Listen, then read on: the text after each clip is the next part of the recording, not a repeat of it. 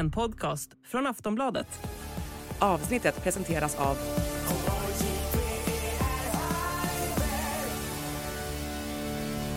Stödlinjen.se, åldersgräns 18 år.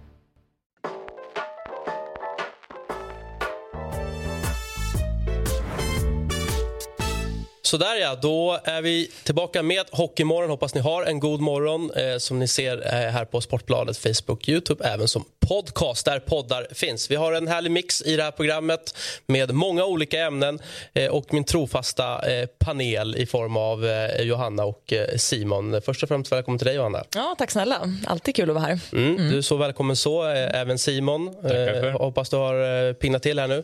Ja, men det är tidigt, men vi, vi, kämpar. Vi, vi kämpar. Och sen har vi Johan Nordin med oss från disciplinnämnden. Eh, välkommen hit. Tack så mycket. Eh, vi har många frågor till dig Ja, att ställa. Låter bra. Ja. Fram emot dem. Är det någon coolhetsfaktor i att vara med i disciplinnämnden? Nej, det tror jag inte. Det, det är som att vara domare ungefär. Det, det, det är någon som måste vara där på något sätt. Men, men, eh, Mest bespottad alltså? Ja, jag tror det. Mm. Eh, vi ska återkomma till dig. Eh, vi ska tyvärr inleda med en väldigt tragisk händelse. Det är ju en stor snackis i hela hockeyvärlden och det är ju eh, bortgången av Adam Johnson som missade sitt liv på en ishockeyrink i England. Han har ju spelat i Malmö eh, och sörjs nu av en, en hel hockeyvärld. Eh, jag har dessvärre sett den här situationen. Jag rekommenderar er att inte göra det om ni är känsliga. Det var eh, hemskt på alla sätt och vis. Rysningar bara jag tänker på det. Eh, och ja, Jag vet inte vad man ska säga. Det, det har ju tack och lov inte hänt så ofta, men nu, nu händer det. och Fruktansvärt på alla sätt och vis. Ja, det, det är verkligen så himla tragiskt och sorgligt och man blir väldigt berörd. Um, det är ju där man känner att man skulle behöva vara som tryggast. Och, ja, man spelar hockey för att man älskar det och det är ens arbetsplats bland annat. Det är, det är fruktansvärt tragiskt bara. Och, um, ja, det är svårt att sätta ord på det. Det är sorgligt. Vi hade en liknande situation i våras med Jenny Hirikoski i, i Luleå. Eh, Den händelsen fick ett lyckligare slut. Vad, vad minns du från den händelsen? Nej, men också väldigt liksom, stor chock. Allting hände ju liksom, på inom loppet av bara några sekunder. Ehm, det är viktigt att man liksom har läkare och så på plats som kan komma till undsättning fort ehm, om det händer någonting. Men hon hade väl bara ett otroligt flyt. Det träffade väl liksom någon millimeter ifrån kroppspulsådern och ehm, då, då gick det bättre. Men eh, ja, fruktansvärt läskigt. Vi har ju eh, en händelse som många kanske minns i, i svensk hockey. Eh, 1995, Moraspelaren Bengt Åkerblom som miste sitt liv, 28 år gammal eh, och fick ju då halsen tyvärr uppskuren av en schizofrena. Eh, halsskydd har vi ju i svensk hockey då, sedan 1996 och 2019 skärptes väl då reglerna kring detta. Eh, hur efterföljs det här, Johan? Det är svårt att veta egentligen. Utan från disciplin får vi ju bara så att säga, se de som eh, anmäls helt enkelt. Men eh, jag vet ju att man från ligorna tar stort allvar på det här och försöker komma till rätta med det. Eh, och därför, och det var ju anledningen till att man införde det här, helt enkelt. Att man, man ville liksom skärpa det hela och att det även skulle kunna bli en disciplinär påföljd. Så hur stort problemet är, det är svårt att säga. Min upplevelse tyvärr är att det är för dåligt och jag kan ju liksom inräkna mig själv där också. Man har halsskydd på sig för det måste man ha. Så det är liksom det är inte så att man, ser inte tar ofta på sig den, det. den glider ner lite grann, eller hur? Den glider inte ner, man viker ner Man ofta. viker ner, inte, men alltså ett att det- medvetet val då.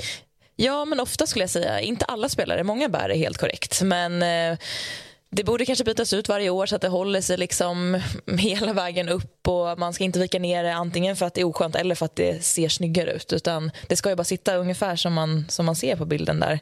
Eh, så, om inte liksom ännu högre upp. Men det är väldigt få spelare, alltså i min uppfattning, som har det på ett korrekt sätt. Anv- Används det på träning och sånt? Eh, ja, alltså vi hade väl lite problem med det förra året. Många amerikanska spelare som kommer till Sverige vill inte använda det på träning. Eh, alla svenska spelare använder det och vi hade en tränare för några år sedan som kastade av spelare om man inte satte på sig det. Liksom för att ja, men man kom ut för att man hade, i USA verkade man inte ha det på träning och sådär. Så att då, lite olika kulturella skillnader.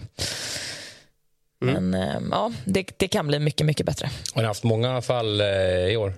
Jag tror vi har haft sex fall, eh, samtliga i Hockeyallsvenskan.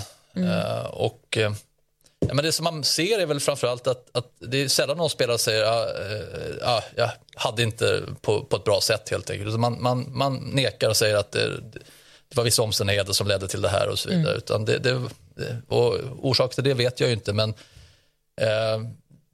uppenbarligen är det så att, att eh, man manipulerar vissa eh, skydd ibland och så där, klipper, klipper och viker ner dem och så där, för att man ska kännas bättre antar jag. Så. Men det, regeln finns ju där av en anledning så att säga och det, det blir ju med all önskvärd tydlighet eh, visat nu att, eh, vilken betydelse det här har. Så att, det, det är liksom, vi, vi, vi ser ju inte mellan fingrarna på det där utan man ska ha skyddet på plats hela matchen så att säga. Eh, Det är det som är utgångspunkten. Vad blir det för åtgärd om man bedöms som skyldig? Eh, ja, det är ju, blir det en disciplinär påföljd så är det ju 5 000 kronor i böter. Men jag- det viktiga här är väl att eh, det här är någonting som egentligen domarna ska försöka ordna med på isen.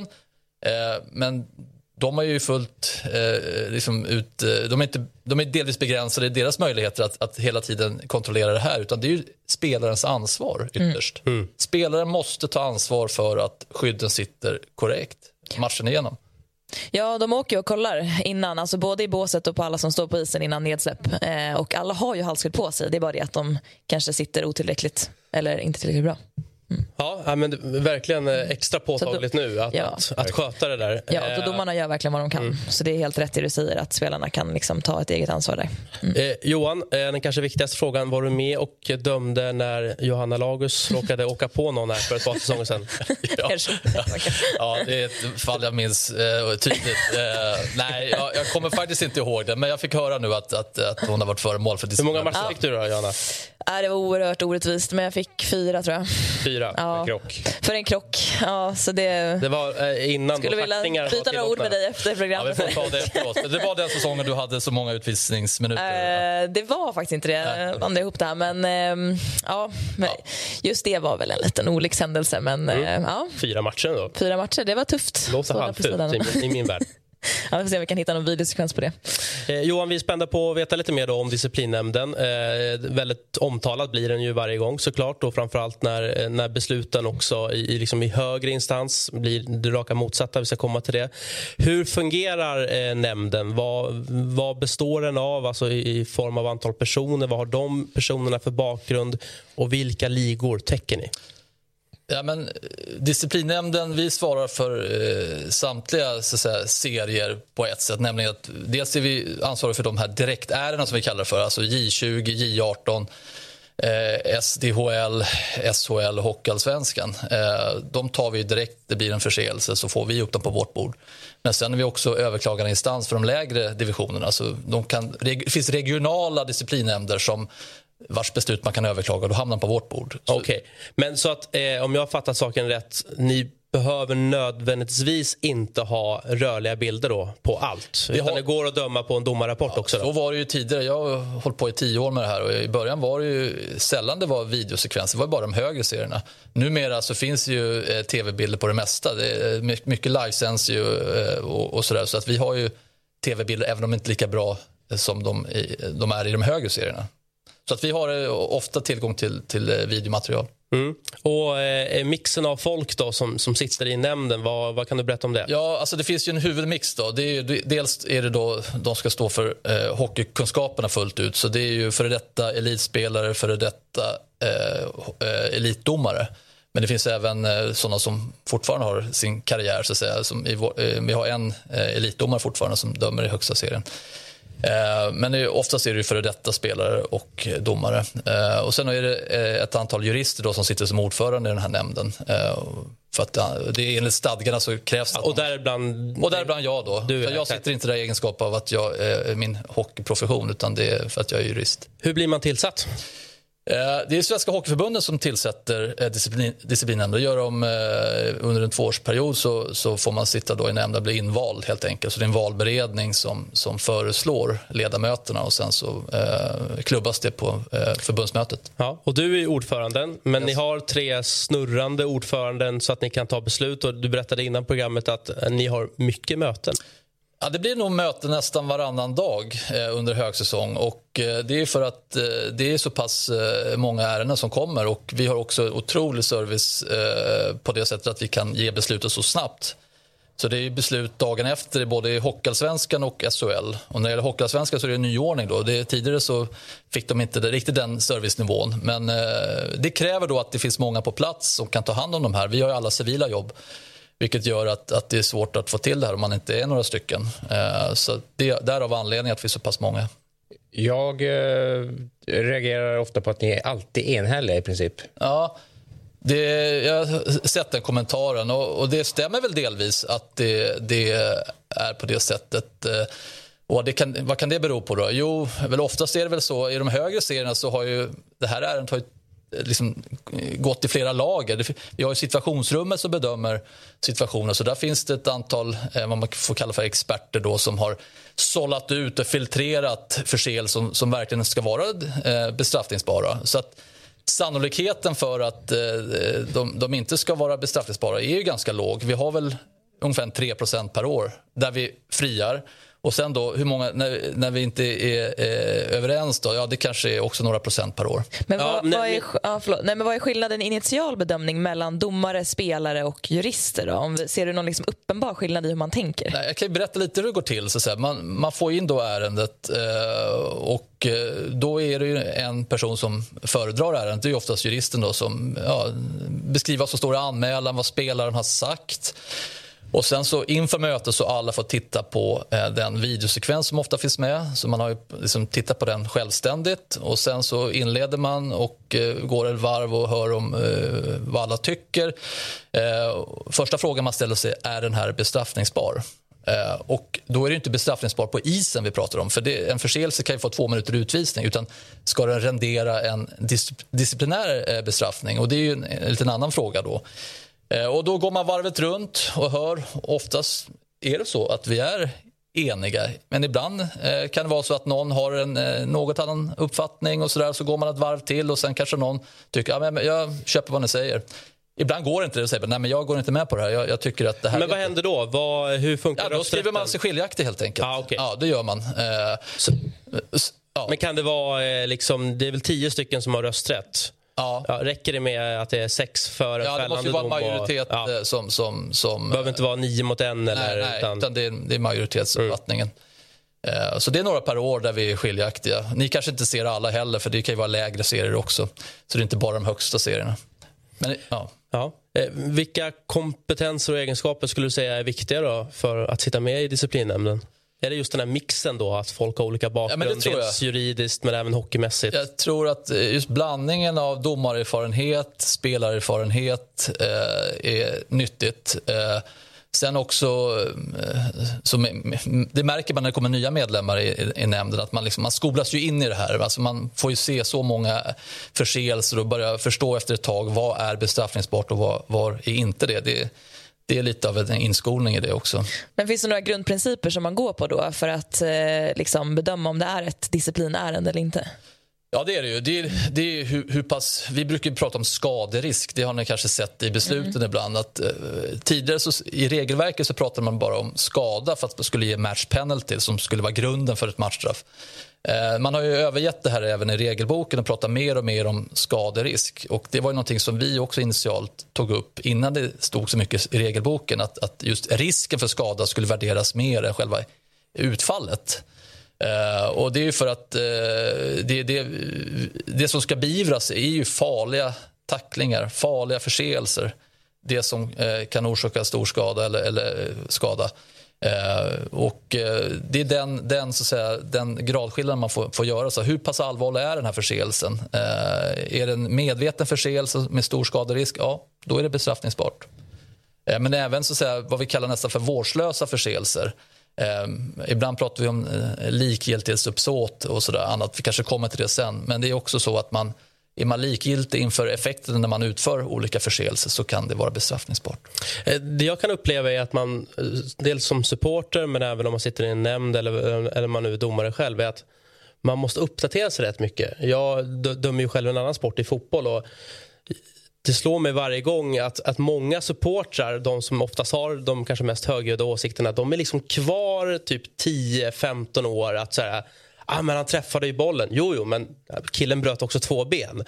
Alltså att, att det blir lite, det blir en distans mellan vad supportrarna och ibland kanske vissa experter i en tv-sändning tror är rätt mot de som faktiskt dömer som enligt mig då har den bästa kollen. Ja, och jag tror att eh, Torsten Torsbring som är domarchef på SHL, han var här förra året och förklarade att de jobbar mycket med kommunikationen kring bedömningen på isen och domarna kommer upp efter i sändningen och pratar om vissa situationer och man pratar allmänt kring regelboken mycket mer, alltså mot supportrar och spelare och, och ledare. Men disciplinnämnden är ytterligare en slags liksom, bedömningsstruktur eh, där jag tycker inte att man kanske har så mycket insyn och förståelse för den här förflyttningen som vi gör eh, nu i svensk hockey, vilket är en bra förflyttning enligt mig. Eh, att man ska döma kanske på skaderisk då, istället för faktisk skada.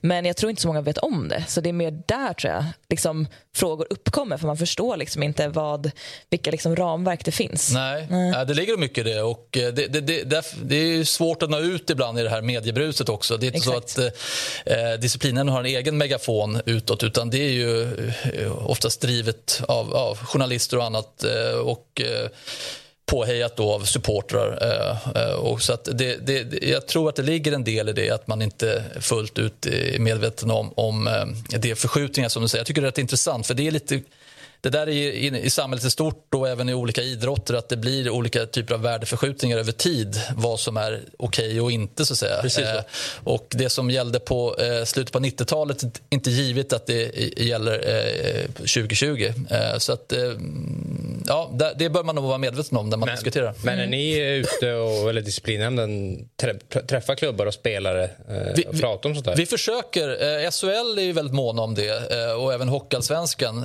som är de två högsta serierna. På, eh, men även SDHL har vi träffat. Så vi träffar de representanter för de högsta serierna. Vi träffar sportchefer, tränare eh, och eh, förklarar vad det, eh, det vi gör helt enkelt och vilka nivåer vi ligger på eh, när det gäller eh, bestraffningar och annat. Och Då får de också tillfälle att ställa frågor det är jättebra möten det där.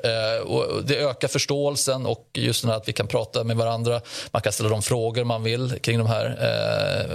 Det engagerar ju verkligen de här disciplin, disciplinfrågorna. Och man, den reflektion man kan göra är väl att det, det, det, det, är inte alltid att nivån är jättehög på kunskapen i alla delar här och att man måste ge informationen hela tiden, varje år. Så att säga, hela tiden informera Eh, så att det, det, men vi får också information och feedback från ligorna och från spelarna som vi tar till oss. Eh, varje år sker ju diskussioner. Ligger vi rätt i nivåer? Eh, och, och vi, vi kommer... Vad är den vanligaste kritiken ni kan få av exempelvis spelarna?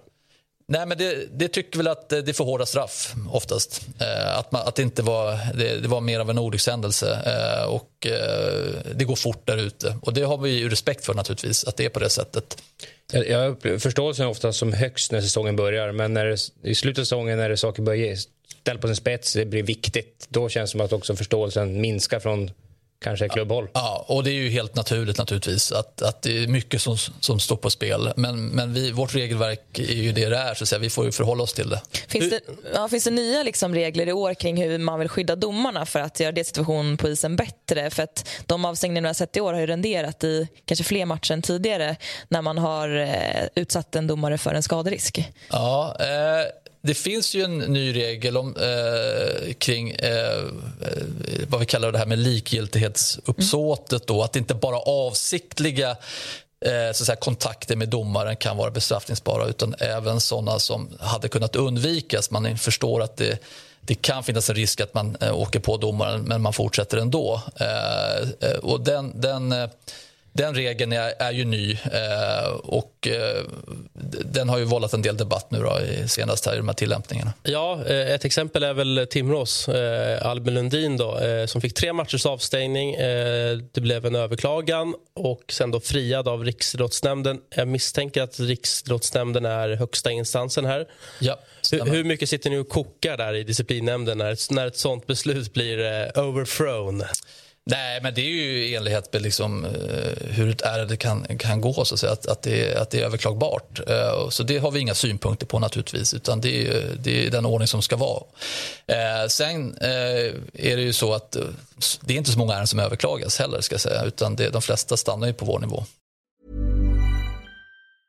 Quality sleep is essential for boosting energy, recovery and well-being. So, take your sleep to the next level with Sleep Number. With a Sleep Number Smart Bed, you can individualize your comfort level and enjoy a better sleep night after night. JD Power ranks Sleep Number number 1 in customer satisfaction with mattresses purchased in-store. And now the Queen Sleep Number C4 Smart Bed is only $1,599, a saving of $300, only for a limited time. For JD Power 2023 award information, visit jdpower.com/awards. Only at Sleep Number stores or sleepnumber.com.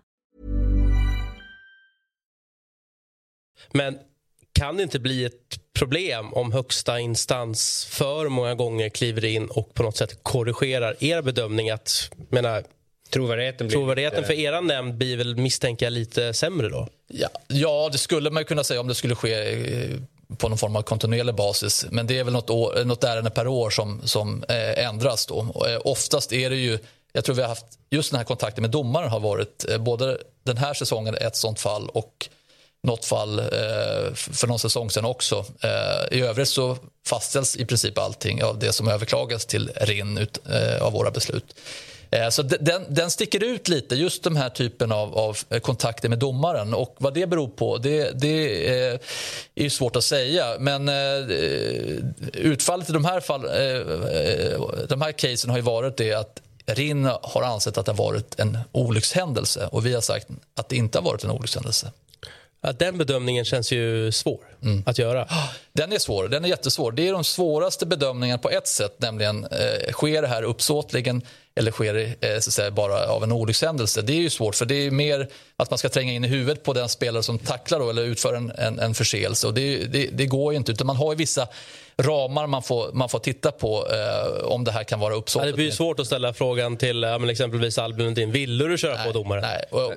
Men är det inte intressant att prata med domaren som blir utsatt i det läget. Eh, han kan väl ändå liksom, hans syn på om man upplevde det som avsiktligt mm. eller inte det, det, för ni pratar ju inte med domare. Nej, vi har ju inte den ordningen. Det är ju anmälaren som, som... Eh, I de högsta serierna är det ju situationsrummet som anmäler förseelsen. Eh, det är inte alltid givet att domarens eh, syn på det har så stor betydelse om man blir pååkt bakifrån. Han vet inte vad som har hänt egentligen. Så att säga, utan helt plötsligt så sveps spelaren iväg och han ligger på isen. Och, och ja, han kan titta på videon efteråt så att säga, och titta på den men, och bedöma den. Men, så det är inte alltid så att domarens eh, eh, egen uppfattning om vad som har hänt har så stor betydelse när det just gäller bedömningen av Skedde den här pååkningen medvetet eller eh, inte? Helt men, men, kan man likställa avsiktlighet med att man kan, hade kunnat undvika det? Är det samma sak? Ja, enligt regelverket där. Man kan väl ta eh, ett exempel. Då. Det är ganska knepigt. Men om du åker mot en fyrvägskorsning och sen så är det ett eh, rödljus där och så, så är, det, eh, är det gult hela vägen där och du ser att ah, fan, nu kanske det blir så att jag måste, det slår om till rött här.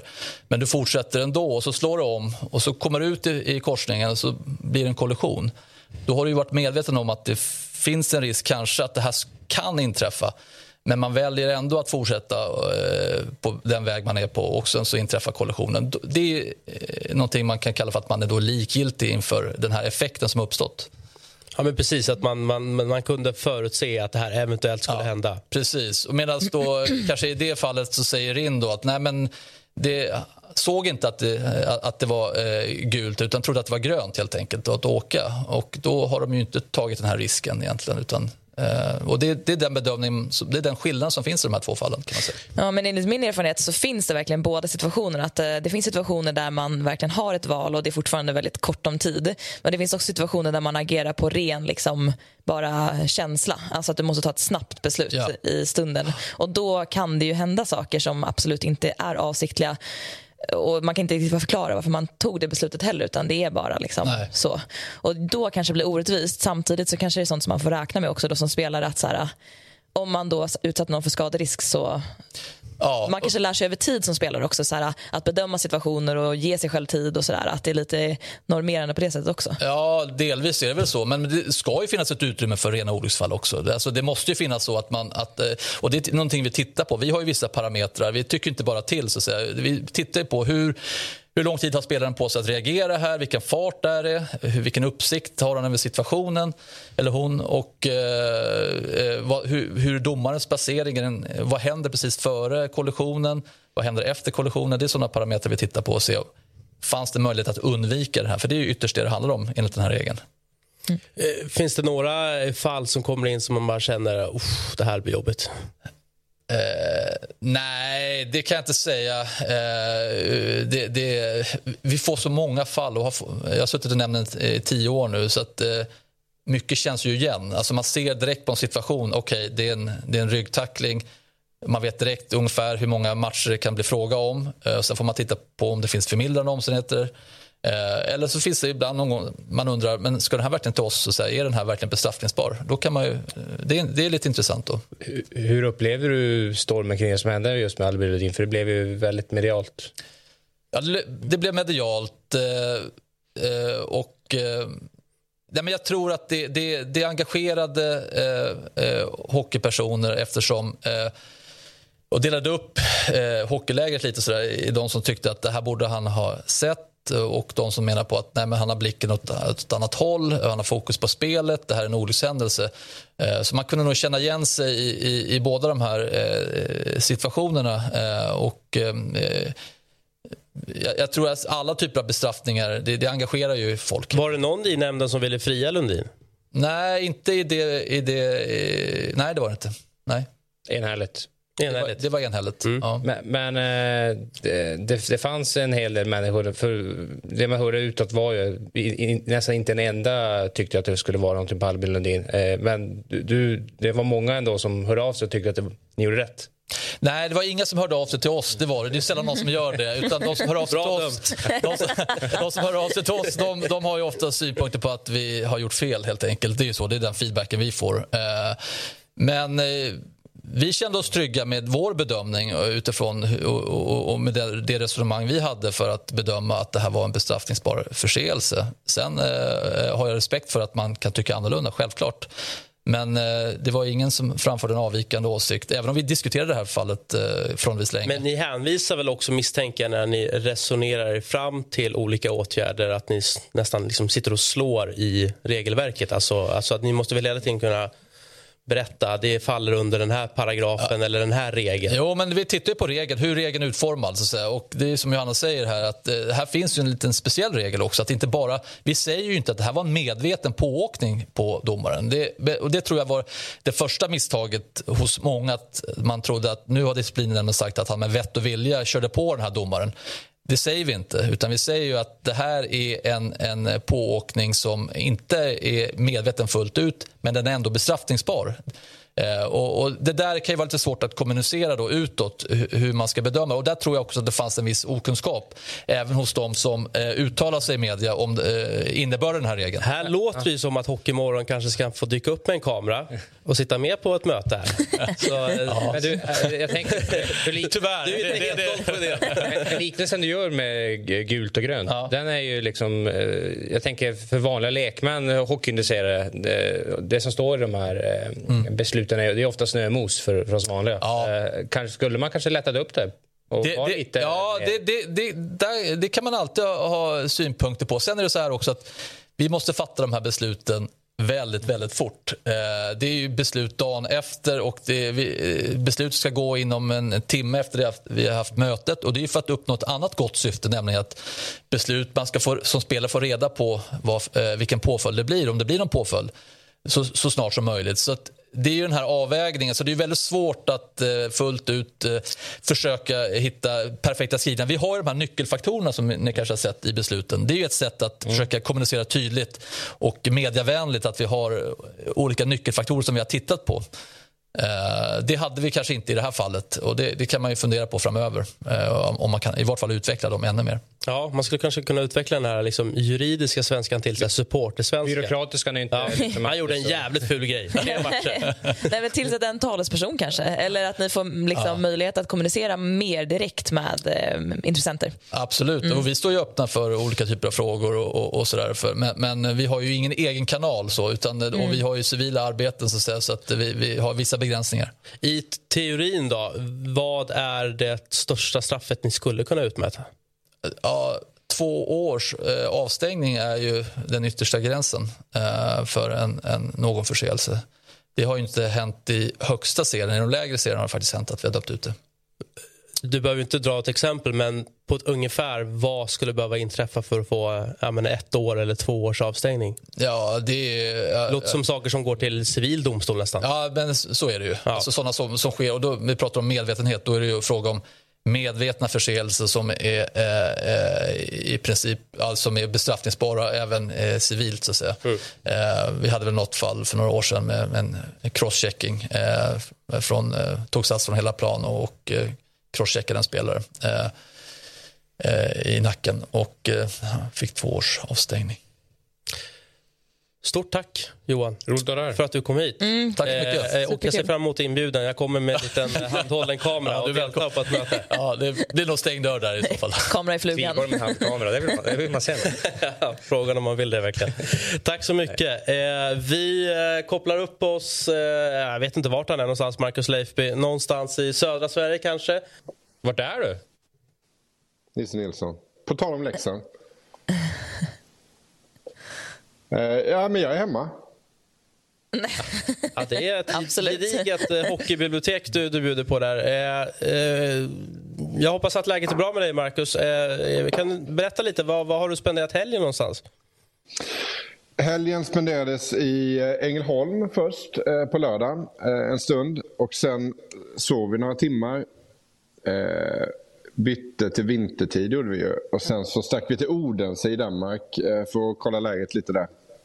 Är, är du vintertid eller normaltid? Ja, jag vet inte, jag har tre barn så jag är i någon helt annan tidsrymd hela tiden känns det som. Vad eh, hände i Danmark då? Ja, vad hände inte i Danmark? Nej, men det var väl ganska lugnt måste jag säga. Jag känner mig lite, man blir lite sliten efter en, en uh, hockeysöndag i Danmark. Eh, det var kul att komma dit, för jag har alltid velat gå på ishockey i Danmark. Eh, vi har ju sett danska laget CHL till exempel, som eh, alltså, inte ger bort sig på något vis. Eh, och då ville vi ta oss till lite längre in i landet och känna lite på läktarkulturen och sådär. Titta lite på hur hockeyn fungerar och ser ut. Eh, och det var väl det vi gjorde. Det var gott.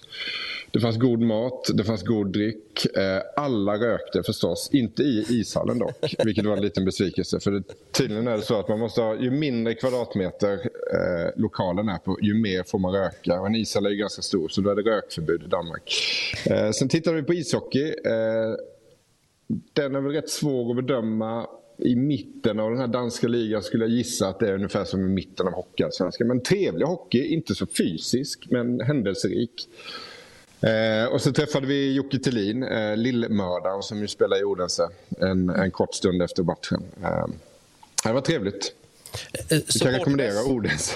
Ja, eh, ja eh, supportermässigt, vad, vad, såg du några liksom stora skillnader hur liksom supportrarna är och agerar kontra mot på svenska arenor?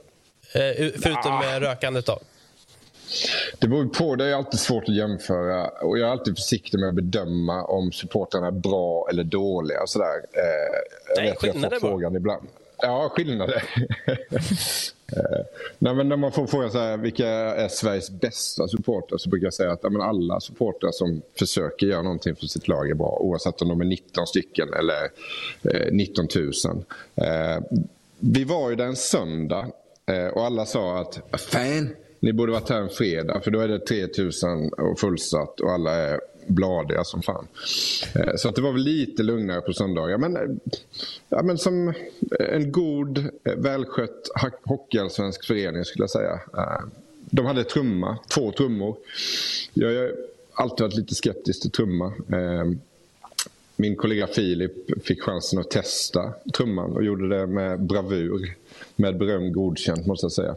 Eh, Framförallt är de ju trevliga, danska. Eh, älskar danska. Jättetrevliga.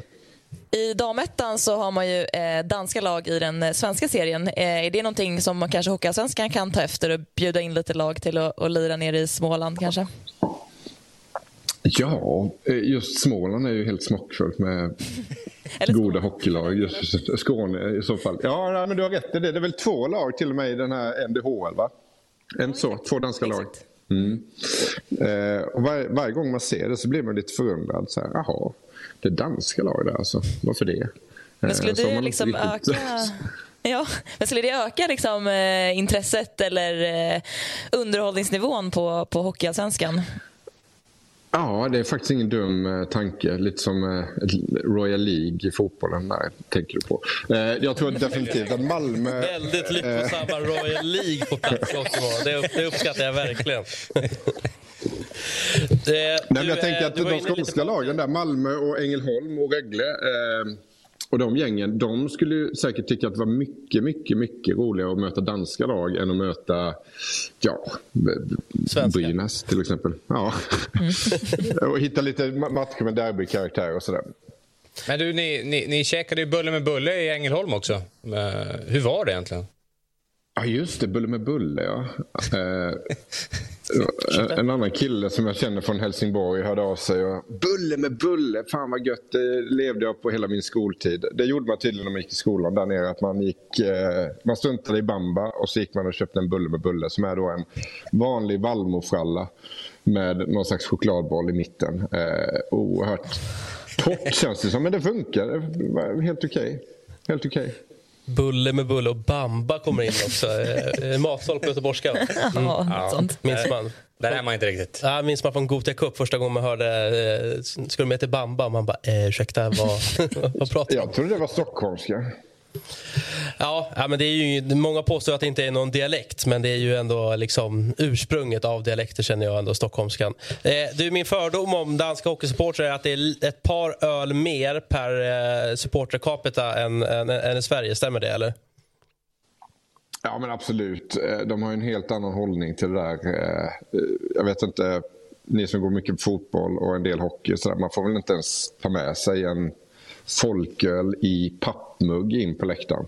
Här är det ju fritt, fritt blås så att säga. Eh, man får nästan tappa Nej, det är verkligen ingen folköl. Eh, mycket danska märken på ölen såklart. Eh, I, jag tror att det är i Ålborg så går det en kran från bryggeriet rakt in i ishallen. En ölkran alltså. Alltså genier. ja, danskarna ligger före där, det får man ändå ge dem. Eh, jag, nu vart jag mer sugen på att åka till Danmark eh, för att kolla på, på ishockey. Eh, du, hockeyresan då, Marcus, hur många delar kommer vi bjudas på här och vad, vad, vad är tanken att ni ska besöka framöver? Ja, men det var det här. Den är över nu. Det blir det blev inte bättre än så. ja, vi betar väl av alla danska lag då i de tre högsta serierna först och främst. Eh, nej, men vi har inte riktigt bestämt, men det finns eh, rätt mycket viljor. Eh, jag vill åka till eh, Norrland, eh, Norrbotten. Eh, jag vill gå i Börje Salming och Stig Salmings fotspår. Mm. Eh, du Norberg har ju tipsat om en liten jävla järnvägsknut i hela Norrbotten. Eh, så, så, vi får väl åka till dem då. eh, så är det verkligen. Häromdagen så... Eh, ja, det var ju faktiskt eh, coachen där i Odense. Eh, han är britt, han heter Paul. Mycket härlig kille. Eh, han tyckte att vi skulle åka till Sheffield. Eh, det spelas ett stålderby där. Jag tror att det är mot Nottingham. Som lockar 8-9 tusen. Så det har vi väl satt upp på en lista. Eh, och då skulle man ju också kunna passa på att försöka få tag på Peter Käck som numera är ishockeymålvakt om jag har förstått det hela rätt. Eh, det finns ett lag som heter Queens of Lappland som jag tänkte att vi skulle titta till också när vi är norröver. Och sen så ska vi till Småland. Eh, och kanske till Centraleuropa någonstans. Eh, södra Tyskland. Eh, lockar mig lite. Polen annars har vi, har vi haft med här i Hockeymorgon nu. Eh, där det skulle eh, mäklas hockeytränare till, till polska ligan. Det ska tydligen vara ett, eh, ett himla drag, så det kan jag rekommendera. Man kanske skulle sökt det jobbet. Rent av det. Ja, det var 120 netto, tror jag. Ja.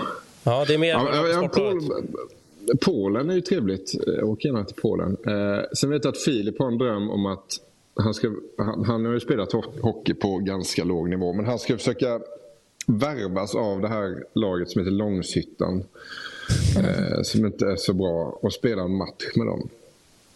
Eh, se om det är möjligt. Det är en god idé. Eh, vi måste nästan följa upp där efter deras historiska... Ja. Hur, gick, hur gick det den där? De mötte ju serieledare. Just just det. det måste vi följa upp. Rekord, eller? Det måste vi definitivt följa upp. Och vem som blev tränare i Polen. Ja, men precis. Eh, eh, Marcus, om vi skjuter lite fokus till Hockeyallsvenskan då. Vad, vad säger du om inledningen av eh, säsongen? Eh, lite småländskt fokus såklart, men rent generellt sett? Rent generellt sett om Hockeyallsvenskan? Eh, nej, men den har väl börjat eh, ungefär som man eh, trodde att den skulle börja. Tingsryd är trea från slutet. Eh, jagar Djurgården strax framför. Nybro har börjat bra. Det hade vi på känn.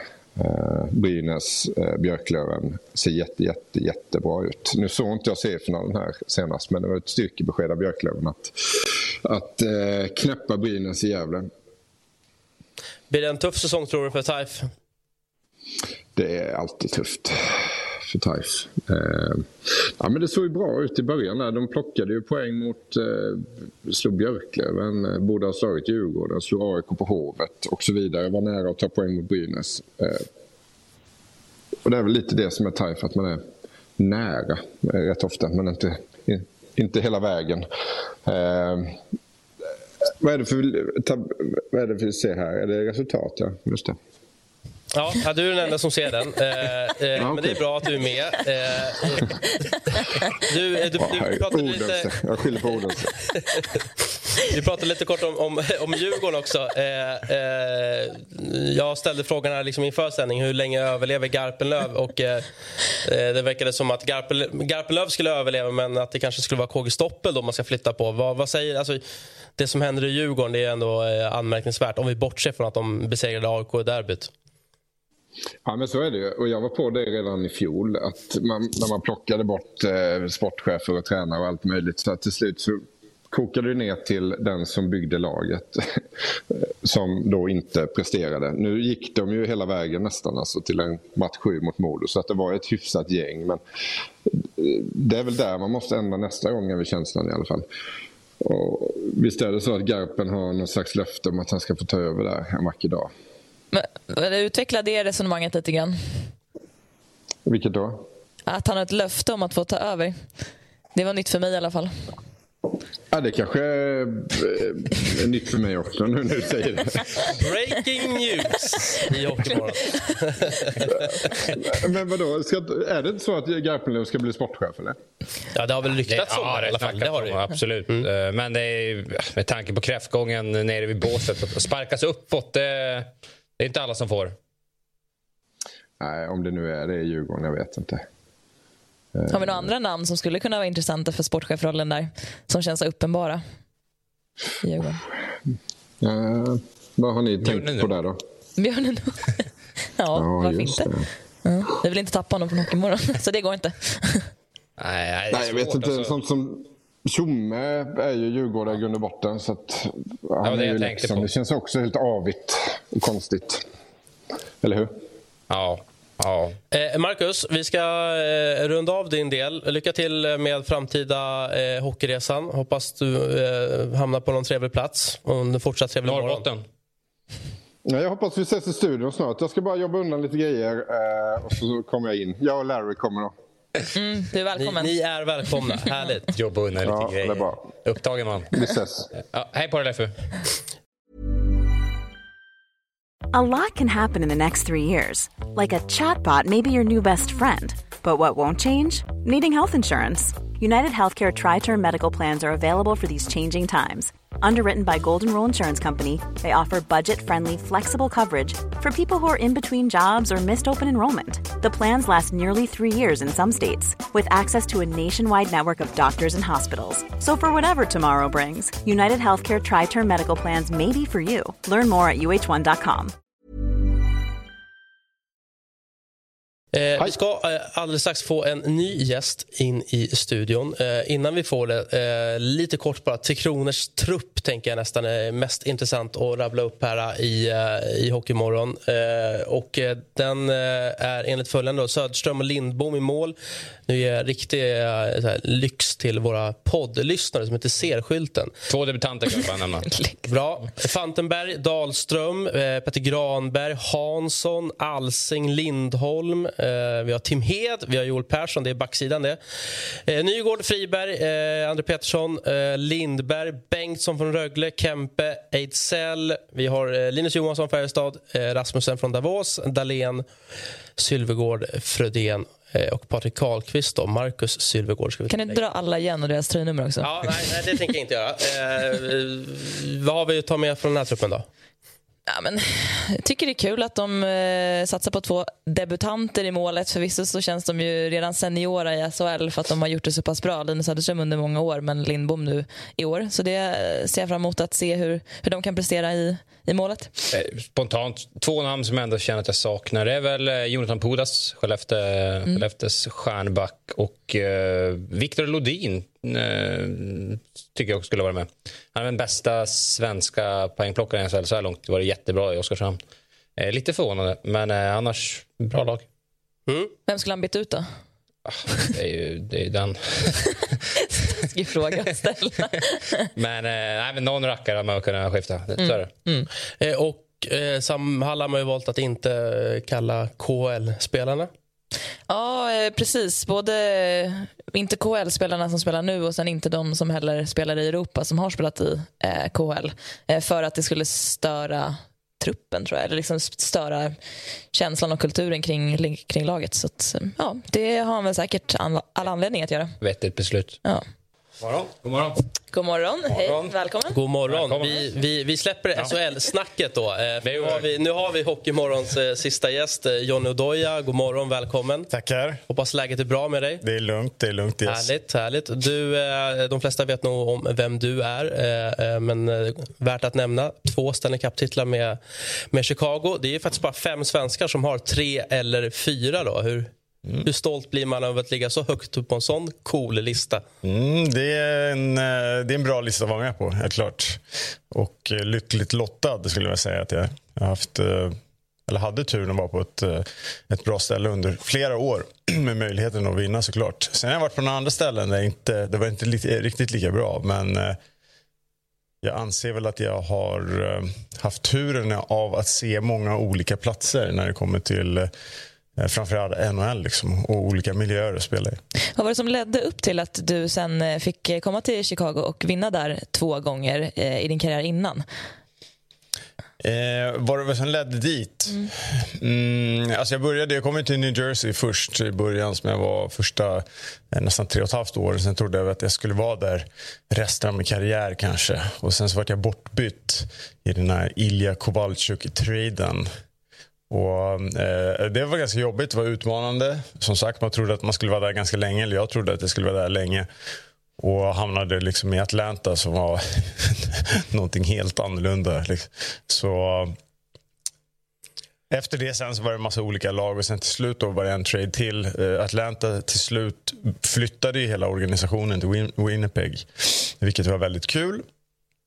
Och var liksom i Kanada och hockeyns mecka på något sätt och sen så här, återupplevnad av ett lag var jävligt coolt. Där var jag ganska kort tid och sen därifrån till Chicago. Då. Så den traden var väl mer positiv. Att liksom möjligheten att komma till ett lag, då hade ju de vunnit 2010. Så och det här var 2012 då, så då kände jag väl att this is it liksom. Nu, är, nu är, händer det. Men just den biten John, tänker jag på. eh, Det har varit tidigare om att alltså, eh, business i NHL att det, det kan vara lite kyligt och, och där man då själv som människa och person nästan låter det som blir en handelsvara. Att man vaknar upp en dag och så är det bara Hörru, du ska, nu ska du bo i Atlanta här plötsligt. Det måste vara tufft, tänker jag, mentalt att, att vara delen i den affären då, eller? Eh, ja, som sagt, du kan, du kan vara på båda sidor. Ibland är det väldigt kul och bra och positivt att bli bortbytt till ett annat ställe. Och ibland kan det vara eh, utmanande och förvånande och irriterande och allt möjligt. Så det är väl ganska relativt unik. Jag tror det är väldigt få tror jag, som kan tänka sig i den vardagen som de kanske lever nu, då, kanske lyssnarna här också, att ikväll får du ett samtal och så ska du ta alla dina grejer och flytta till en ny stad. Och sen det som du hade bakom dig, liksom, Ja, du kanske ska, du ska ta med din familj, Ja, du ska ja, rycka upp kanske barnen från dagis. Ja, och det måste ju vara hur Absolut. mycket saker som helst. Ja, absolut, absolut. Så det, det du är garanterad egentligen i NHL är 70% av din lön. Typ.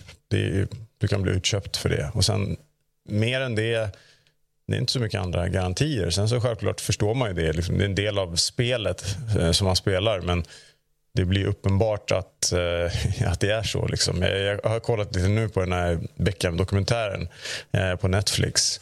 Och Den tycker jag beskriver jag tycker att den är fascinerande av många olika aspekter. Då. Men framförallt dels den här passionen runt, eh, runt idrott och liksom vad det kan få fram av folk, både positivt och negativt. Eh, men sen också Eh, hur, det liksom, hur saker och ting kan se ut bakom kulisserna. Eh, och det här, I det fallet var det väldigt, väldigt extremt. Men jag tror att det är mycket saker som händer bakom som man eh, eh, kanske inte riktigt förstår eller vet om naturligt. Jag tror att det är som alla. Liksom, så här, jag vet inte hur hela vardagar ser ut heller egentligen. Utan, eh, vi kanske ser er här när ni sitter i studion, men inte så mycket mer. Liksom. Men om man tänker på bakom kulisserna just i Chicago eh, och du visste att de precis hade vunnit. Var det någonting speciellt som utmärkte Chicago som organisation och grupp eh, jämfört med dina andra lag för att ha möjlighet att vinna Stanley Cup? Precis när jag kom dit var det var svårt att veta kanske, men de eh, av eh, vad jag känner ganska tidigt med den organisationen som var annorlunda är att eh, jag upplevde inte att det fanns någon, någon, liksom någon gräns eller någon limit. Eh, många andra ställen där man, eller många andra, men andra ställen man har varit på kan det vara eh, det finns en fystränare till exempel som bestämmer fysträningen. Liksom. Och om du vill göra egna saker för att du behöver det så har de varit lite, så här, lite rädda nästan och lite emot det. Eh, och Det är små så här, kulturella saker medan i, eh, i Chicago så vi kunde ta in vad vi ville egentligen. Och så länge målet var att vi skulle bli bättre och vinna så var det liksom, okej okay, det här är bra. Eh, och deras jobb var ju liksom bara att försöka hålla alla de där stjärnorna liksom hyfsat nöjda på något sätt. Eh, så, så den, eh, jag vet inte hur mycket olika saker liksom som vi har testat från så här, återhämtningsmaskiner, apparater och massa grejer som, som var otänkbart kanske på andra ställen. Eh, som Eh, Eh, det såg som något positivt att du ville göra mer och att du ville vinna. Liksom. Eh, och att du ville utveckla dig själv för att kunna vinna också så mycket som möjligt. Så det var flera olika sådana saker. Sen var det ganska många ledarkaraktärer. Det var inte bara Taves som var kaptenen och Duncan. Eh, utan vi hade ju Hossa också till exempel. Kane och självklart var ju duktig spelare men också en, en, en för att vara en stjärnspelare Eh, jag har ju spelat med andra som inte var så. Eh, hans mål var att vinna. Och Sen vill han vara bäst när vi vinner. Såklart, han vill göra det avgörande målet. Men det finns inget självändamål för honom att göra 50 mål om vi inte vinner. Eh, och Den mentaliteten tror jag är för mig då som inte gör 50 mål så kan man respektera det på ett helt annat mm. sätt. Då blir det värt för mig att täcka skott istället för att någon åker runt och spelar för sig själv. Liksom. Så den mentaliteten och den kulturen fanns där ganska mycket och det drevs ganska hårt av spelarna också. Det var inte tränaren egentligen. Eh, Q var ju hård men rättvis skulle jag säga. Men eh, han drev inte det var inte han som drev det utan han lät oss driva oss själva. Liksom. Så det var många olika saker där som jag tror eh, fungerade bra. Det var ju många säsonger du spelade alla eh, grundspelsmatcher, 82 stycken plus slutspel, eh, över 800 matcher. Hur, hur lyckades du med det, på att säga? Nej, men just att ta hand om sin kropp eh, och, och liksom vara så tillgänglig för spel hela tiden. Det är väl en tuff uppgift? Eh, ja, eh, det beror på jag ska inte säga att jag hade oöm spelstil kanske. Det finns ju en del där som håller på att skämta med Phil Kessel. Eller vad att han, han har spelat över tusen matcher nu och kanske inte ser ut som en elitatlet. Men, eh, men han har ju någonting där som gör att han liksom kontinuerligt hela tiden kan spela och, och göra sig redo för det. Så det är lika mycket, jag tror att det är lika mycket mentalt som det är eh, fysiskt helt klart. Men sen så gillar jag att förbereda. För mig var träning alltid viktigt. Jag tycker det är kul. Jag tränar ganska mycket fortfarande. För eh, Ja, för, dels för den mentala biten också. Att liksom, kunna kombinera de två. Du kan ju, liksom, du kan ju träna du kan träna ditt psyke genom att eh, träna din kropp hårt. Och Du kan göra egentligen tvärtom också. Du kan träna ditt psyke och liksom få ut mer av kroppen. Så Den kombinationen har jag alltid varit eh, intresserad av. Så, eh, för, och försöka liksom hålla sig så länge som det går såklart. Men eh, men det blir värre och värre när man blir äldre och äldre. Liksom. Du betalar ju mer och mer pris för varje tackling du får. på något sätt. Mm. Så jag slutade väl ändå ganska tidigt. Alltså jag var 36-37 det året. Så jag hade säkert kunnat spela några, några år till kanske. Men, men kunde du eh, förlika dig med det beslutet eller kände du att ah, fan, det finns några procent kvar här att kräma ur? Nej, jag tror egentligen jag kände det året innan om jag ska vara helt ärlig. När jag signade i Ottawa så var det så här, ja, mm, kanske att det räcker nu. Men eh, då ville jag se. Och sen självklart fantastisk möjlighet att spela med Erik Karlsson. Så då var det så här, ja, men vi testar och kör. Och det tog väl ungefär halva säsongen innan jag insåg att eh, ja, det, jag tror att det nu räcker. Liksom. Mm. Så, mm. Men du fick slut på dina egna villkor va? Absolut, absolut. Eh, det tror jag gör jättestor skillnad. Och inte bara det, alltså jag har ju jag, vet inte om jag när jag var liksom sju, åtta år gammal om jag hade kunnat jag hade inte kunnat fantisera att min karriär skulle bli som den vart. Även liksom i en utopisk värld på något sätt. Eh, jag upplever att jag har fått uppleva allting som jag, som jag hade som, som mål att göra också. Och då blir det nästan tvärtom. Då blir det nästan så lite girighet. Att man ska hålla sig kvar vid någonting som redan säger ja, men det, det här är liksom det här är utspelat, det här spelet. Liksom. Du har, det är klart. Så, så ta det här istället och gör någonting annat med de skillsen och de sakerna som du har lärt dig nu som, eh, som kanske kan skapa värde eh, för andra över tid. Så ja, det är väl typ det jag håller på med nu.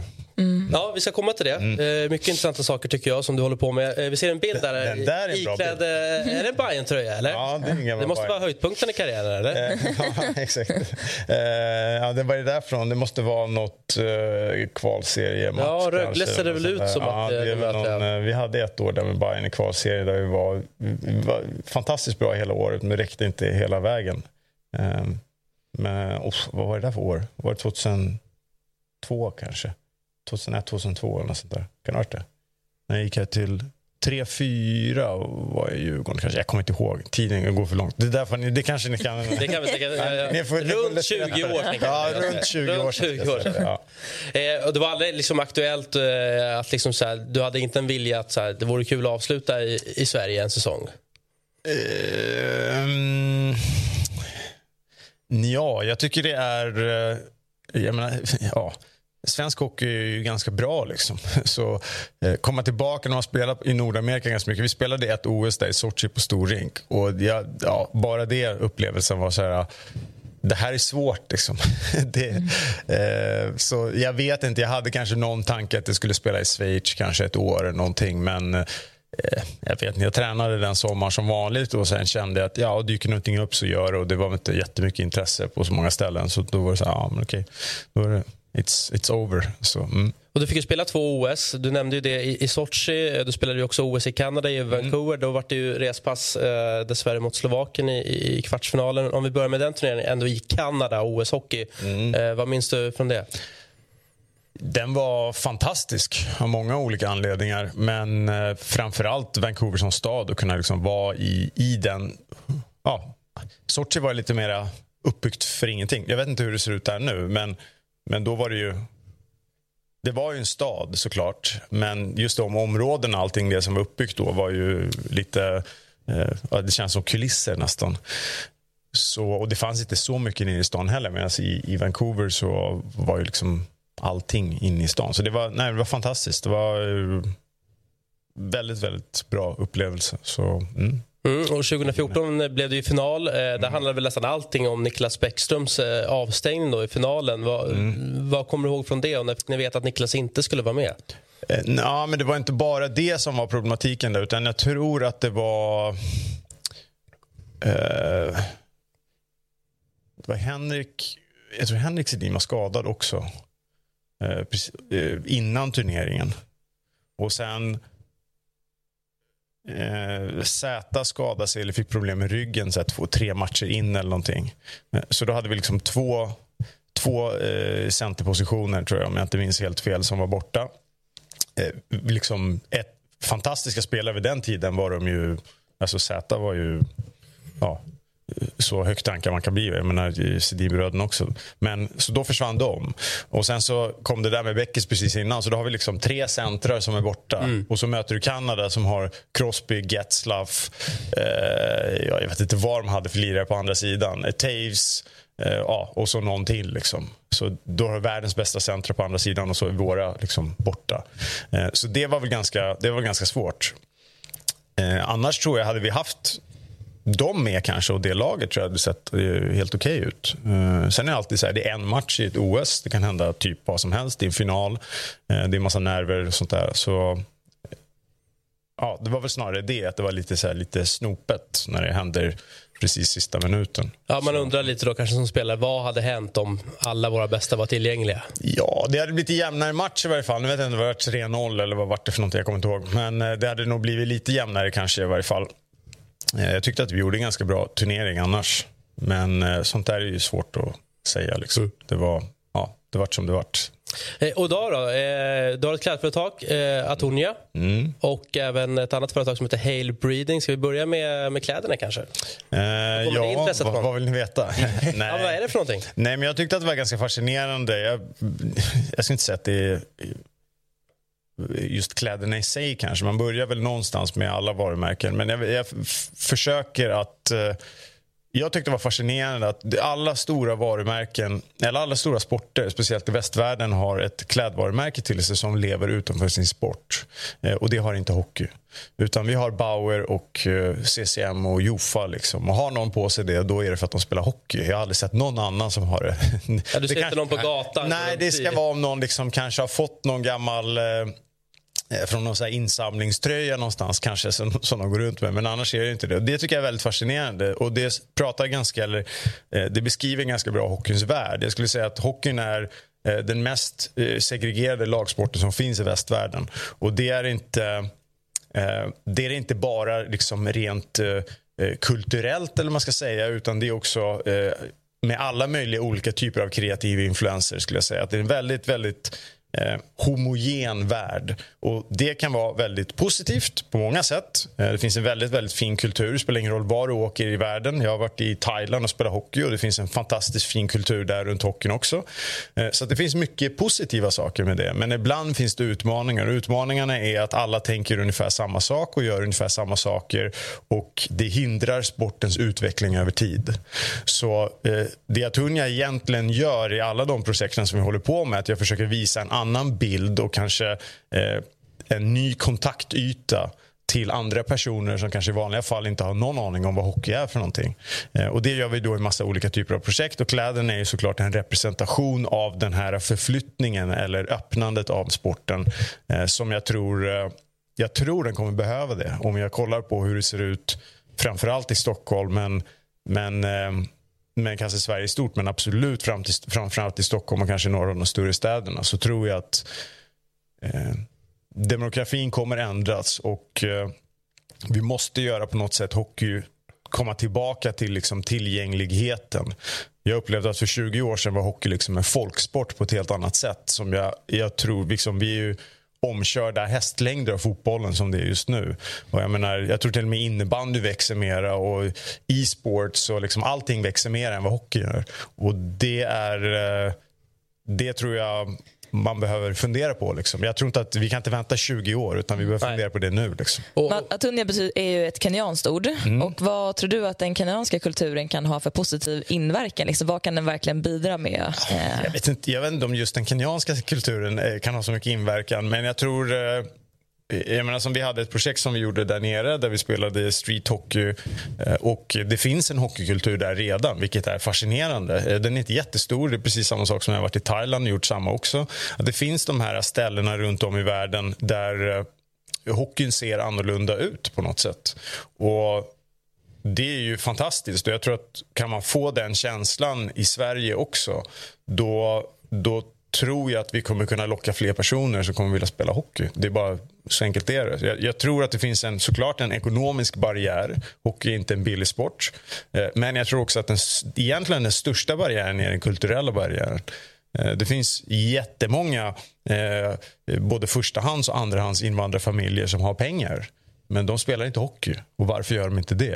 Eh, Det är en kulturell fråga. Så det här är ehm, någonting som jag tror eh, är värt att börja fundera på och kolla på på riktigt innan liksom det har gått 20 år och då är vi omkörda ännu mer jag vet inte, många mer sporter finns att bli omkörda av men, mm. än alla andra. Liksom. Ja, men det är helt så, rätt. Ja. ja. verkligen. Ja, men jag tänker att det handlar mycket om vad man identifierar sig med eller vad man kan identifiera sig med. Absolut. Och att eh, kläderna kan vara ett uttryck för någonting då som man, absolut. förutom en person då som absolut. ser ut som, som jag. Absolut, eh. absolut. Och där, vi ser ju skillnaden. Jag menar, om vi kollar på eh, på damhockeyn som exempel tycker jag är ett fantastiskt in, initiativ och eh, också en, en förebild för det typen av arbetet som börjades för ungefär tio år sedan. Eh, och hade vi pratat om damhockey för tio år sedan då var det liksom så här, jaha du spelar ring 1. Mm. Det var ungefär det som var liksom, eh, konversationen. Och nu har vi matcher där det är tusentals personer på läktarna och unga tjejer kommer till matcher och kollar på sina idoler som spelar. Alltså, det, det är ingen skillnad. Det är samma process som vi måste sätta igång nu. Mm. Eh, och ja, det finns många exempel redan där på damsidan och jag tror att det, det, det går att fundera på att göra det på, på det här sättet också. Liksom. Det, är inte, det är inte jättestor skillnad. Så, mm. Are you ready to enhance your future in tech? Then it's time to make your move to the UK. The nation that has more tech unicorns than France, Germany, and Sweden combined. The nation that was third in the world to have a $1 trillion tech sector valuation the nation where great talent comes together. Visit gov.uk forward slash great talent to see how you can work, live, and move to the UK. Intressant. Eh, och eh, lika intressant tycker jag eh, läste lite om eh, ja, ditt sätt att se på andning. Mm. är, ju, är ju spännande. Du har ju det här då, hail breeding. När, när kom du i kontakt med, med att just det var så intressant med, med andning och att det sedermera var viktigt också?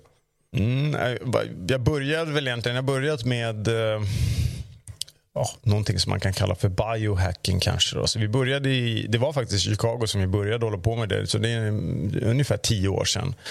Där eh, vi försökte att hitta så mycket saker som det gick för att optimera oss själva. Och Det gäller kost, och sömn och träning och ja, allting som man kan tänka sig. Liksom. Så mycket av de sakerna som jag nu ser eh, att vanliga människor gör, typ mäter sin sömn och sånt där, har vi hållit på med ganska länge.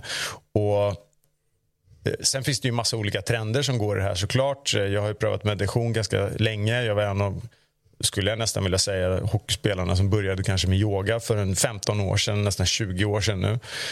Och eh, i förhoppningen att jag skulle kunna hitta någonting som då skulle kunna göra att ja, jag har kanske en liten fördel, liksom, att jag utvecklar mig själv och kan vara på topp längre eller vad det nu kan vara för någonting.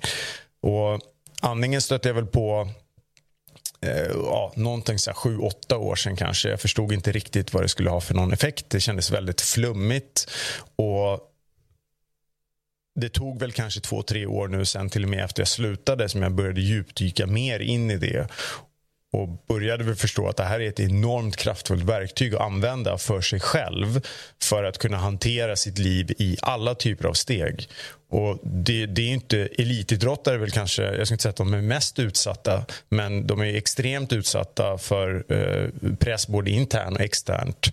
Och hur ska du lära dig hantera det? Så det är en del. Och Sen så kan man optimera andningsmönster och eh, eh, kanske problematik runt andning som man kan lösa också eh, som elitidrottare. Men men eh, det absolut viktigaste är det här välmåendet och välbefinnandet som du kan använda andningen till. Ja, det var det jag var mest intresserad av. Mm. Vilka fördelar kan man få? Alltså, du behöver inte vara ishockey. Det kan ju vara en företagsledare, eller en politiker mm. eller en sån som jag, en vanlig nobody. På att säga. Eh, om man sätter andningen, vad, mm. vad kan det ge för liksom, hälsoeffekter, för mentala effekter? Mm. Men jag skulle säga att det största är stresshantering. Så du tar ungefär 25 000 andetag per dag. Eh, de flesta är helt omedvetna.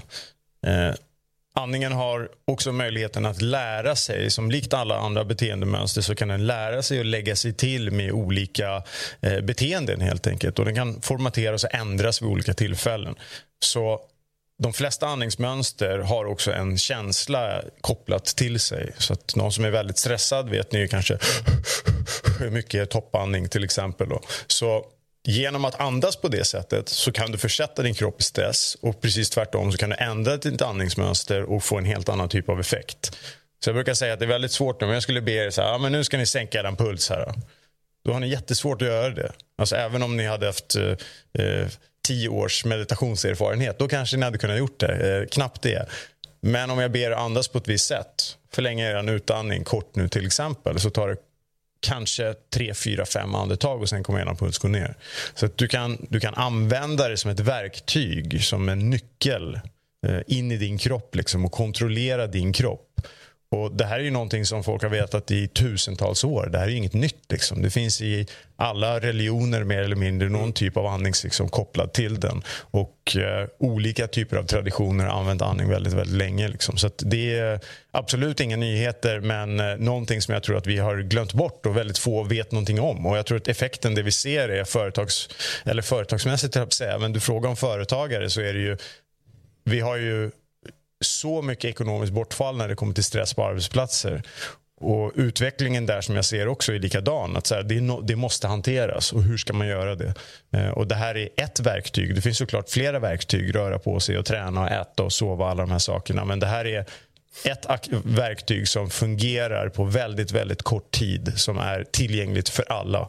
Eh, för mig låter det som öppet mål, om vi ska använda hockeyspråk. Men är du förvånad att det är så alltså, att folk i allmänhet har så dålig, dålig koll kring andning? Mm, nej men, ja, det är svårt att svara på. Jag vet inte. Så här var det ju, alltså, om vi pratade om träning för 20 år sedan. Det var ingen som tränade då heller. Alltså, nu om du kollar i Stockholms innerstad i varje fall så är det ju ganska många som rör på sig åtminstone. Så kanske man inte behöver vara elitidrottare men man vet vedertaget att nej, men det är bra att gå ut och gå en promenad eller röra på dig och kanske sitta lite i bastun eller göra någonting så att eh, eh du får liksom lite ordning på det. Och det här är egentligen ingen skillnad. Och Sen vet jag inte varför. Jag tror att det har varit väldigt lite likt som yogan kanske var för 20 år sedan. Att det, så här, det, här, uff, det här känns flummigt och det är massa rökelse och grejer. Eh, och så är det inte alls. Jag jobbar ju liksom kliniskt med personer också som har post-covid eller vad det kan vara för någonting. Så det finns väldigt brett spektrum. Liksom. Jag, jag, var på en så här profylaxkurs inför förlossning förra veckan. Mm. Då är det ju, okay. ja, det är andning. Då, då är mycket andning. Mm. Det hade jag inte någon koll på sig vidare. Men det är ju samma där. Det är för att mm. trycka bort smärta. Mm. Ja, det att, finns, finns massa olika tekniker runt det också. Men absolut. Ja. Det, alltså, det är en annan, ett annat utfall. Men det är mm. fortfarande det är med andningen du mm. jobbar. Absolut. Det, var... ja, det finns många olika ja. varianter. Vi ser en bild där. Mm. För er som lyssnar på podcast är en bild på eh, en nyvaken person med tejp mm. över munnen. Eh, och Det har blivit en debatt eh, kring det här. Först och främst, vad, vad är syftet med att göra så här, Jonny? Syftet är att få bättre sömn, helt enkelt. Eh, framförallt den här som är på natten. Sen går det, ju det eh, finns det en del som tejpar på dagen liksom, när de gör olika övningar och träningar och sånt. Men det här är väl för, för sömnen i varje fall. Är det någonting du gör? Eh, jag har tejpat i ungefär nästan fem år nu, skulle jag säga. Så fyra år. Någonting. Men fråga då. Eh, jag, sett... jag tejpar dock inte som hon gör. Här. jag tejpar för hela munnen. Det finns en liten tejp du bara tejpar. Ja, exakt. Är det inte mer vanligt? Precis. man kan ta, du kan ju tejpa liksom som en liten fyrkant bara och ha liksom längst fram. Och så kan man hosta och liksom göra saker vid sidan om ifall man vill göra det. Men man måste väl vara väldigt säker att man då får i sig luft då, via näsan? Eh, ja, det brukar brukar inte vara ett jättestort problem. Näsan är ett organ som är gjort för att andas med. Så desto mer du använder det, desto bättre kommer det bli. Eh, och ett enkelt sätt i det här fallet är ju att andas mycket genom näsan när du sover. Sen självklart om du är jätte, jättetäppt så då kommer du märka ganska fort att det inte funkar. Liksom. Det är inte så att du, du kommer vakna mitt i natten av att du inte kan andas. Liksom. Utan eh, det märker du ganska fort. Och Sen så är det väl mer känslan av att bli bekväm med det eller inte i sånt fall. Ifall man vill göra men vad blir effekterna då rent eh, liksom, välmåendemässigt? Eh, välmåendemässigt, det de flesta brukar känna, är eh, nu är det ju, det finns inte så mycket forskning på det här än. Och då är min fråga, varför gör inte det? Nej, vi har det, kanske, en... det, det kanske är för enkelt och för bra för att det ska funka mm. för att någon vill forska på det. Det finns ingen, det behöver man inte medicinera folk istället. Nej, men jag vet inte. Så det, det, finns inte så mycket forskning än. Eh, det kommer säkert komma mer nu eftersom det här är på tapeten. Så jag kan tänka mig inom ett år så kommer vi ha ganska mycket forskning på det här. Av vad jag vet, alla som mäter sin sömn, eh, om man har en sån här ring, Oura-ring eller om man har Whoop-bands och grejer, så ser de flesta jag skulle säga 80-90 % ser nog en förbättring i ja, djup, djupsömn, hur många gånger man vaknar, man går upp, eh, ja, hur mycket man rör sig. Ja, och eh, ja, sömnkvalitet skulle jag säga i stort. Man vaknar upp, eh, ligga och andas ganska mycket genom munnen. Om du vaknar upp och är väldigt, väldigt torr i munnen så då har du andats ut en del vätska. Liksom. Och gör du det under väldigt, väldigt lång tid, en hel natt, så... Ja, du beskrev min det- sömn de senaste 15 åren. Ja, exakt. Det känns som att jag liksom har sovit med öppen mun i Saharaöknen. Typ. Ja, eh, då skulle jag. Kanske, du skulle kanske testa och... Ja. Men det, det är lite samma känsla som om man druckit några, några, liksom, någon, någon öl eller liknande. Eh, ja, eh, precis. Då kanske man är torr också. Ja. Och då är väl frågan om eh, hur påverkar ölen din sömn? Och troligtvis då så ligger man väl kanske och snarkar liksom och bara mundandas hela tiden. Så att eh, sömnen påverkas ju negativt av alkoholen. Så det är kanske det som gör att du, du har ännu mer öppen mun och sover då egentligen. Ganska så ordentligt skulle jag säga. Mm. Alltså jag har också mött min sömn länge i och med att jag också har lite drottat och Mm. eh, bara en enhet alkohol förvärrar ju sömnen Mm. otroligt mycket. Mm. Jag har hittat en ny nu också så för mig som är illa också. Det är att äta sent. Mm. Den är nästan lika illa som att dricka två glas Vinus. Ja, ämnesomsättningen stör ju Mm. din djupsömn ganska ordentligt. Fan, jag gör allt det där. Mm. Två det, glas- Två glas vin och för några år sedan läste jag en bok som hette Sömngåtan. Då var det även eh, koffein om man dricker Ja. Jag ja, har slutat dricka efter fyra. Ja, det är nog ett, eh, Det tror jag nu de flesta kanske börjar. Det är en del så här som jag har några kompisar som är, de kan liksom dricka en espresso innan de går och lägger sig ungefär. Men jag har aldrig fattat det där. Det påverkar din sömn ändå. Så de säger att de inte, de inte påverkas, men det gör det. Jag somnar direkt säger Ja, exakt. Det kan, det, det kan man säkert göra ändå. Men det, det kommer påverka din sömn ändå. Så eh, det är ju rekommendationen kanske att ha ja, någon gång på morgonen sen, men efter lunch kanske om man kan hitta någon annan typ av eh, decaf eller vad det kan vara för någonting. Eh, Det kan vara bra. Men vad gjorde du liksom när du spelade matcher sent varannan dag? För att det stör ju ganska mycket. Det är ett Och problem. resa över tidszoner. Ja, och... exakt. Jag skulle säga att det största utmaningen framförallt också när man blir äldre inom, eh, inom hockeyn är, är just resor eller sena kvällar. Alltså du kan ha en hel sommar där du tränar allting. Liksom, du kan träna hårt men konstant hela tiden liksom återhämtar, återhämtar, återhämtar. Och sen när säsongen börjar så går det jag menar, en till två veckor i, i två, två dagar i veckan så har du ju, går du och lägger ett eller liksom två på natten. Eh, och du måste äta efter. Eh, Så att det, det är många saker runt det som är um, mindre bra. Jag hade ju önskat att det var fler eftermiddagsmatcher. Det hade varit perfekt. Liksom. Det var någon sån här helg ibland när man spelade eh, typ ett på lördagen och tre på söndagen. Och Det kändes som att du inte ens hade spelat hockey.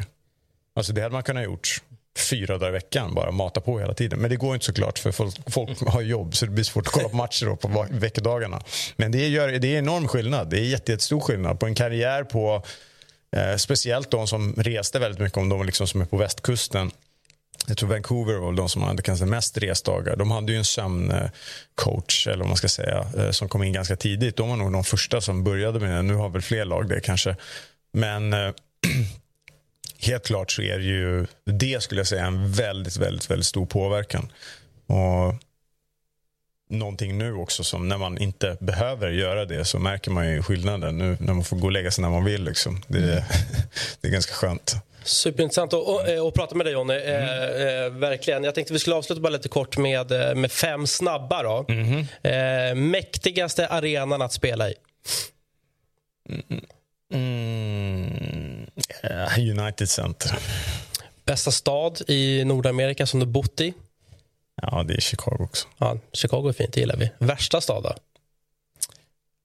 Eh, ja, det beror lite på hur man ser det. Men eh, jag skulle säga eh, fanmässigt eller liksom hockeymässigt så var det ju helt klart Atlanta. Det var inte ens någon som visste att det var ett hockeylag där. Eh, och sen skulle jag säga eh, alltså Winnipeg kanske som stad var väl inte jätte exciting. Liksom. Det är ganska litet och väldigt kallt och sådär. Men hockeymässigt var det väldigt kul. Så, så det beror på. Men ja, om jag får välja. Bästa spelaren du spelat med? Mm, ja, nej men det är nog Kane i sånt fall. Och bästa spelaren du har spelat mot? Eh, Den som var absolut bäst då... McDavid började väl komma igång lite. Men det vill jag inte nu senaste åren som har varit ännu bättre. Men det var ju Crosby var väl den som var eh, hade, var bäst och som vi mötte ganska mycket också. Speciellt när jag var i New Jersey så var han mycket, mycket på tapeten. Liksom. Så mm, jag säger honom. Ja, det var, det var några namn det. Jag skulle vilja veta skillnaden att möta Ovechkin och Crosby. Uh, Ovechkin tycker jag är lite enklare för han gör ungefär samma sak hela tiden. Mm. Så, han, så länge du håller honom borta från powerplay, det är väl där det är typ omöjligt att stoppa. Liksom. Men 5 mot 5 kände väl jag... Alltså jag har hellre en spelare som är stark, åker, gör ungefär samma sak. Jag vet ungefär när han ska skjuta. Då behöver du bara ligga ungefär rätt och sen så brukar det gå ganska bra. Eh, medan Crosby kan göra så mycket olika saker att det är mycket svårare att hantera. Och sen McDavid är väl eh, också fascinerande för att han kan göra så mycket olika saker och sen har han fart på det också. Så att han är väl... Eh, Av alla kategorier tror jag att han är svårast att spela mot. Absolut, har jag sett. Det är väldigt, väldigt svårt att försvara någon som hämtar så där mycket fart. Liksom. Du måste typ ha en center som åker med honom liksom, hela tiden. Annars så, som back går det inte att göra så mycket. För man stå med klubban och veva lite. Liksom. Mm. Mm. Vi får avsluta med det. Mm. Mm. Hemtiden har ut. ut. Eh, tack för att du kom, Jonny. Mm. Eh, lycka till med, med eh, dina företag eh, och med livet överlag. Mm. Det är tackar. det viktigaste. Tackar, kul att vara här. Och, eh, tack för att ni har tittat och för den delen lyssnat på Hockeymorgon. Vi är tillbaka senare i veckan.